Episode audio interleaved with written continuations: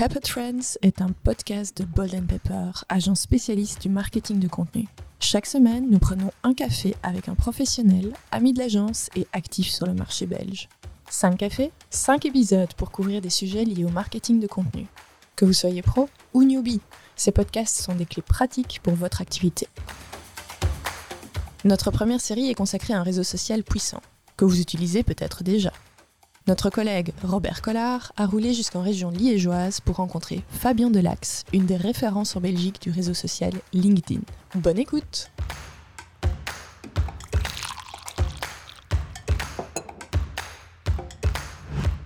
Bonjour Fabien Delax. Bonjour Robert. Nous sommes déjà au troisième café sur les cinq que nous devons boire ensemble. Ça commence à, ça palpiter. Parce qu'il y a encore beaucoup de choses à dire sur, euh, sur LinkedIn. Nous avons présenté LinkedIn, donc parlé de son algorithme aussi. Maintenant, il est temps d'utiliser ce réseau social euh, professionnel et si possible de la manière la plus puissante euh, possible et optimale. Alors, la présence sur LinkedIn, on l'a compris, elle est incontournable, mais il y a du monde. Alors, Fabien, pour s'y faire voir, quels sont les, différents moyens d'y apparaître et les meilleurs moyens en fait? Alors, il y, y a, trois moyens pour être visible sur LinkedIn. C'est euh, d'abord en fait euh, de basiquement devenir annonceur et donc faire de la publicité payante. Euh, et les deux autres moyens, c'est d'avoir une page pour son entreprise, de publier du contenu dessus.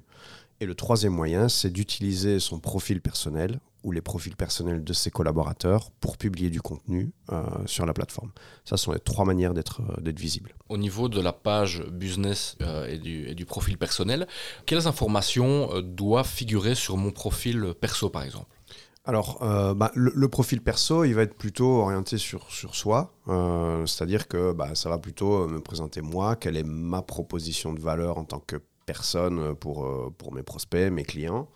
Euh, alors que la, la, page entreprise va plutôt présenter de manière peut-être un petit peu plus corporate l'offre euh, globale, l'offre globale de l'entreprise, euh, les valeurs de la boîte, les collaborateurs, etc. Donc on va avoir une communication qui est complètement différente entre la page entreprise, où on va avoir du contenu, comme on l'a dit, voilà, plus corporate, et, euh, et le, profil où on va avoir du contenu euh, où c'est la personne qui parle. Mhm. Euh, c'est important en fait parce que bah, toutes les études démontrent que nous, en tant qu'humains, en tant que consommateurs, en tant qu'acheteurs en, en, B2B, on préfère toujours avoir des interactions avec des personnes versus avoir des interactions avec des marques. Mhm. Et donc, globalement, dans la nature humaine, on préfère les humains aux marques. Et donc, du coup, les informations qui sont présentes sur les deux profil, donc le profil perso et, la page business, on ne doit pas y retrouver les mêmes informations. Donc. On ne doit pas y retrouver les mêmes informations, c'est-à-dire qu'en fait, dans, une stratégie de contenu sur LinkedIn, elles sont complémentaires. C'est-à-dire qu'en fait, on va peut-être se dire que l'objectif des profils personnels va être de générer de la visibilité et du trafic vers la page entreprise qui, elle, va plutôt être orientée sur un objectif de, euh, de, de, vente, entre guillemets, ou de promotion des produits ou services de, l'organisation. Prenons le, profil personnel. Euh, comment se présente la, la, page CV, entre guillemets, avec nos informations perso? Euh, Qu'est-ce qu'on peut, qu'est-ce qu'on peut apporter sur, sur cette page? Alors, il y, y, a différentes, il y a différentes sections de manière très concrète. Ben, en fait, quand vous, si, si vous ouvrez le profil d'une personne sur LinkedIn et qu'on regarde de haut en bas, euh, vous allez d'abord avoir en fait euh, ce qu'on appelle une bannière, donc une espèce de une, image sur laquelle euh, voilà la personne peut communiquer par exemple sa proposition de valeur, qui peut être, c'est une bonne pratique aux couleurs et qui correspond à l'identité visuelle de, la marque de son employeur ou de, sa marque personnelle si, si, on en a une. puis vous avez la photo de profil qui, là, bah, la bonne pratique, c'est plutôt de, de, mettre une photo où on voit bien son visage. Euh, les yeux ouverts, souriant, euh, souriant euh, voilà, où, on donne, où quelque part, bah, on se rend sympathique. Hein, pour, pour le visiteur.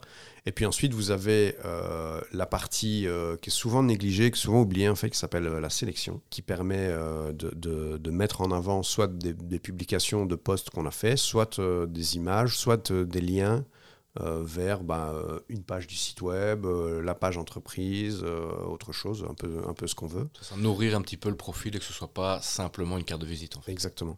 Il y a, y, a y a, une chose que j'ai oubliée, en fait, c'est le, le titre qui vient avant cette section Ma sélection et qui permet finalement de, de, communiquer. Bah, la plupart des gens en fait mettent, mettent leur, leur, leur job title, c'est-à-dire bah, responsable marketing et communication mhm. chez Trucmuche. Il y a moyen de l'optimiser aussi. Mais il y a hein. moyen de l'optimiser. Mhm. C'est-à-dire que moi, je recommande souvent de l'utiliser pour communiquer la proposition de valeur qu'on a à sa cible.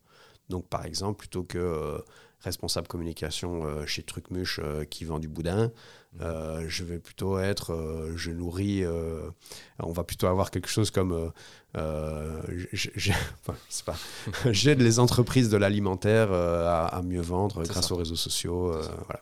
C'est plus vendeur, c'est plus impactant et ça dit finalement, enfin, ça, donne des informations sur pourquoi on devrait vous contacter en fait. Exactement. Donc ça, c'est vraiment le, c'est un petit peu euh, si on va sur euh, la landing page d'un site web euh, qui, qui, fait la promotion d'un produit ou d'un service, c'est d'exprimer la proposition de valeur qu'on peut avoir. Ensuite, si on descend encore, en fait, il y a toute la partie plutôt expérience ou CV, plus le côté un peu, un peu CV, où on va pouvoir mettre finalement dans un ordre chronologique les postes qu'on a pu occuper euh, dans, dans, différentes entreprises ou dans sa propre entreprise euh, avec un lien là vers, euh, vers la page de l'entreprise. Est-ce qu'on doit tout mettre? Alors, est-ce qu'on doit tout mettre? Je dirais que ça dépend un petit peu des cas. S'il y a une expérience professionnelle qui a été particulièrement horrible pour vous, bah, je dirais, et que vous voulez que ce soit oublié, ne la mettez pas.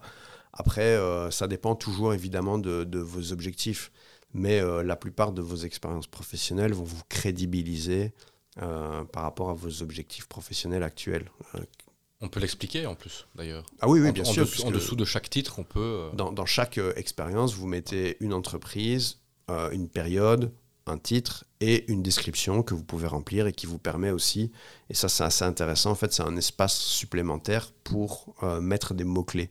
Parce qu'il faut savoir qu'il y a pas mal de gens, que ce soit des commerciaux, euh, des, des, recruteurs, mais aussi euh, des personnes qui recherchent, par exemple, des, des freelances, euh, qui recherchent spécialistes SEO mhm. ou professionnels de la communication ou project manager. Et donc, si vous avez ces mots-clés dans votre profil, ben, vous pourrez vous pourrez être trouvé entre guillemets. Ça remonter dans les résultats de recherche de, Exactement. quoi. Et puis il y a aussi la partie plutôt qui est complémentaire au CV, qui est plutôt liée aux études. Donc comme les expériences professionnelles, vous pouvez mettre vos études. Et alors la partie la plus importante, euh, c'est la partie de description. En fait, euh, au départ, c'était vu plutôt comme la lettre de motivation mhm. euh, qu'on enverrait avec un CV. Ça, c'est donc au-dessus des expériences. Hein. Je, pense que c'est, ouais, je pense que c'est au-dessus, mais on peut aussi. Il y a eu une période où on pouvait adapter un peu l'endroit où ça s'affichait.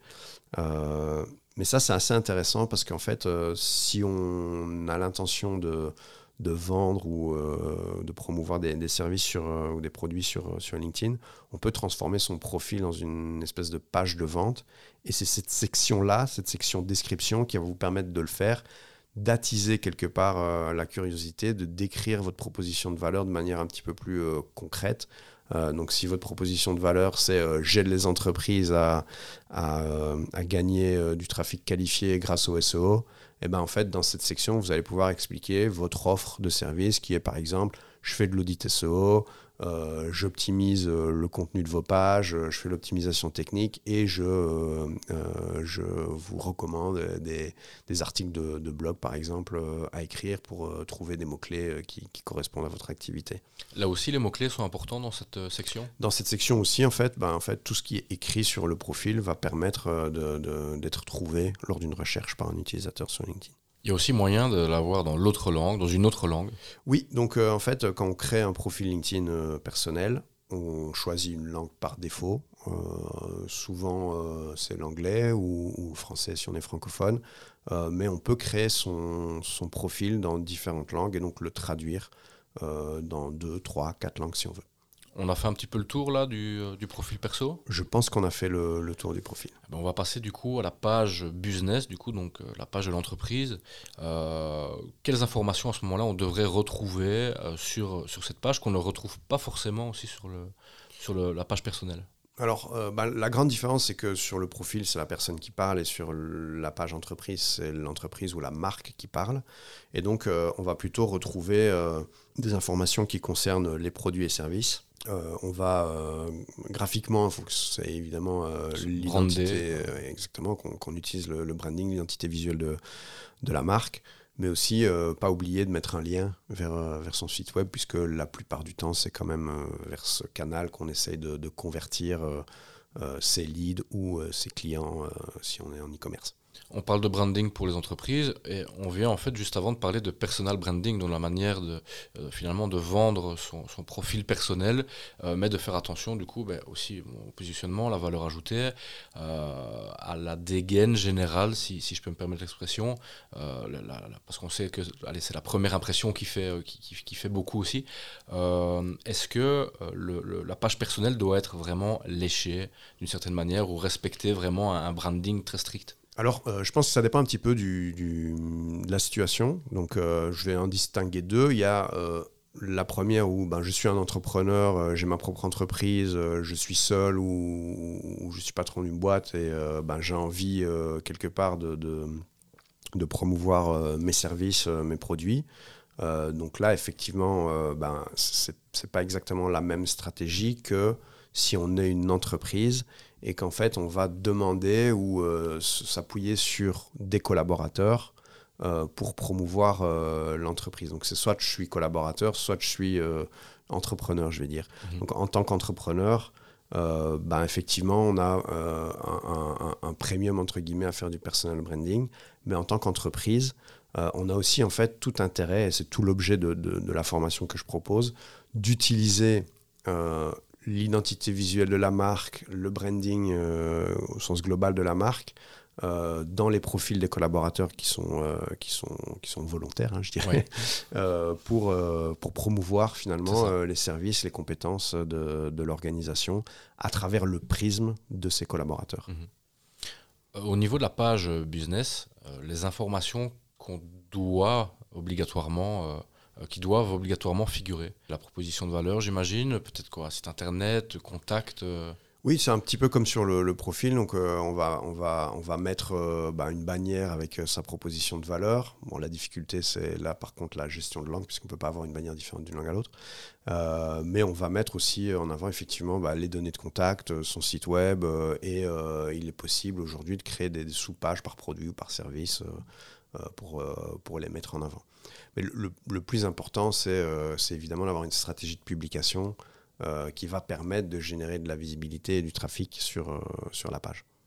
Au niveau de la création de contenu, on y reviendra lors d'un prochain café, mais est-ce qu'on peut déjà donner voilà, quelques petits tips à ceux, à ceux qui nous écoutent pour voilà, quel type de contenu quand on est une entreprise et qu'on veut communiquer via la page business, quel type de contenu justement on peut mettre en avant? Alors, en fait, ce que font la plupart des entreprises, c'est de, communiquer sur leurs actualités, leurs nouveaux produits, leurs nouveaux services, leur présence sur un événement, euh, voilà, ce, genre de choses, où ils mettent en avant des, collaborateurs, où ils mettent en avant des, fonctions dans l'entreprise euh, qui sont vacantes, par exemple, etc. Donc ça, ce n'est pas des mauvaises pratiques. Je pense que c'est un petit peu euh, le, le B à bas. mais je pense que ce qui est vraiment important euh, d'intégrer dans sa stratégie de contenu d'entreprise sur une page LinkedIn, en fait, c'est d'apporter de la valeur à ses clients. C'est-à-dire, euh, euh, ben, on a un nouveau produit X, mhm. c'est très bien, mais de commencer à, si par exemple, ben, on a une agence SEO, de donner des tips SEO, c'est une, une excellente pratique mhm. à faire à la fois via la page entreprise, mhm. euh, puisque ce genre de poste va générer beaucoup plus euh, d'engagement euh, et, de, temps passé par les utilisateurs, et donc va, va, plaire à l'algorithme,